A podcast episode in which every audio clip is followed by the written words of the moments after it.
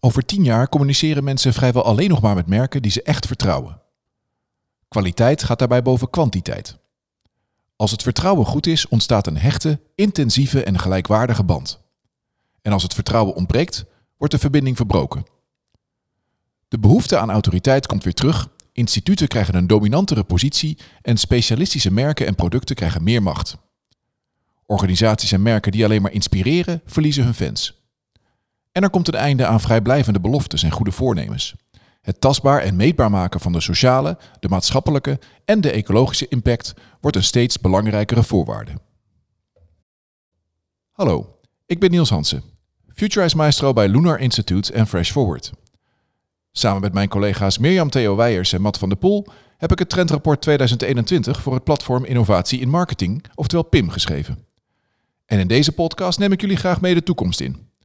Naar hoe onze maatschappij in dit decennium gaat veranderen en wat de belangrijkste maatschappelijke thema's zijn van vandaag naar 2030. Inleiding. Vermenselijking van merken. Het karakter van de maatschappij krijgt in dit decennium hele andere kenmerken.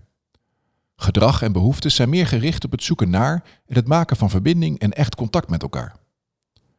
Om verbonden te blijven met de maatschappij en met hun klanten, bewegen toekomstgerichte organisaties en merken mee en ontwikkelen ze steeds meer menselijke kenmerken. Ze worden persoonlijker, gevoeliger, verantwoordelijker, empathischer en kwetsbaarder. Welkom in 2021. Een nieuw tijdperk is begonnen en een nieuwe ronde biedt vaak nieuwe kansen. Dit trendrapport is opgesteld om merken en organisaties richting en perspectief te bieden op weg naar 2031. Bij de ontwikkeling van de toekomstvisie en de totstandkoming van dit rapport hebben we ons eigen Futurize trendmodel gebruikt. Het model geeft diepgaand inzicht in maatschappelijk gedrag, maakt het mogelijk om specifiek gedrag te herkennen en om de onderliggende behoeftes te begrijpen. Met behulp van Futurize is het zelfs mogelijk om de toekomst te voorspellen, waardoor organisaties en merken in staat zijn om positieve impact op mens en maatschappij te blijven maken in een snel veranderende wereld. Ruim 30 jaar geleden zijn we gestart met de ontwikkeling van ons trendmodel in samenwerking met en op basis van zeer uitgebreide wetenschappelijke studies en onderzoeken van de Universiteit van Gent onder de bezielende leiding van inmiddels emeritus professor Dr. Helmoet Gauss. Dit betekent dat we bij Fresh Forward en Lunar Institute vanuit een wetenschappelijke basis naar gedrag en behoeftes kijken en daarmee een andere aanpak hanteren dan de meeste trendwatchers, die hun uitspraken over de toekomst vaak veel meer op intuïtie baseren. Futurize toont een sterke correlatie tussen maatschappelijk gedrag en de lange economische cyclus. In eerste instantie zou je vermoeden dat het de economische situatie is die het maatschappelijke gedrag beïnvloedt, maar hiervoor is geen overtuigend bewijs voorhanden. Het lijkt eerder andersom. Dat een onbewust gevoel van zelfvertrouwen, of juist een gebrek eraan, het gedrag en de onderliggende behoeftes in de maatschappij bepaalt en dat de economische conjunctuur het gedrag slechts weerspiegelt. Door de jaren heen nemen die onbewuste gevoelens van angst en onzekerheid volgens een bepaalde regelmaat toe en af. Die golfbewegingen duren steeds ongeveer 50 jaar en de verschillende fases hebben ieder zo hun eigen kenmerken.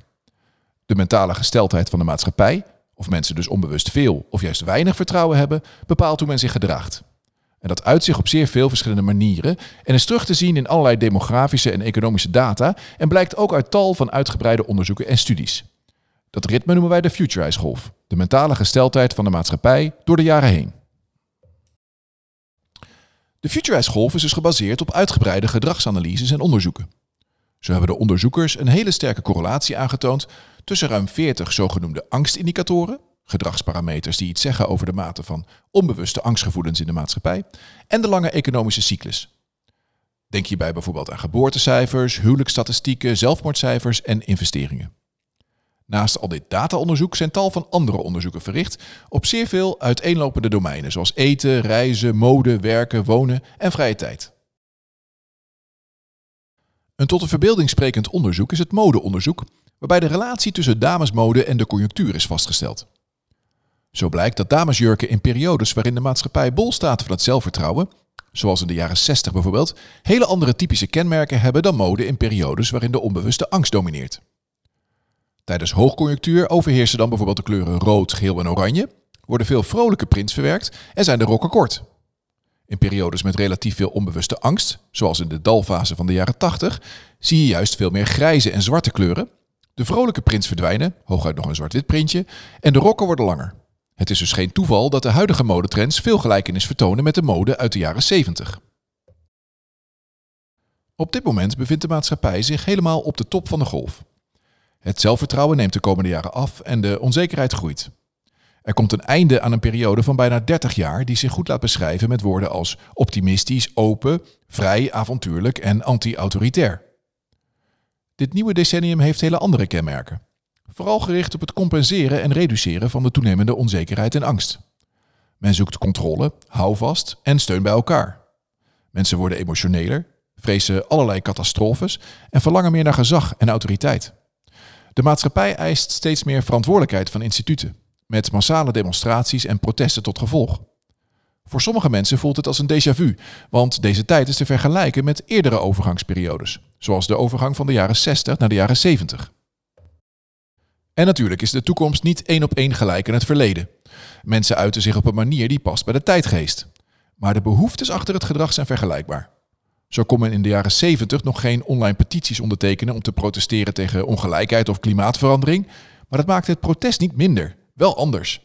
En 50 jaar geleden was men nog niet in staat om met behulp van blockchain-technologie de herkomst en de logistieke route van een sinaasappel of een reep chocolade te herleiden, maar de behoefte aan transparantie en feiten die was toen net zo sterk.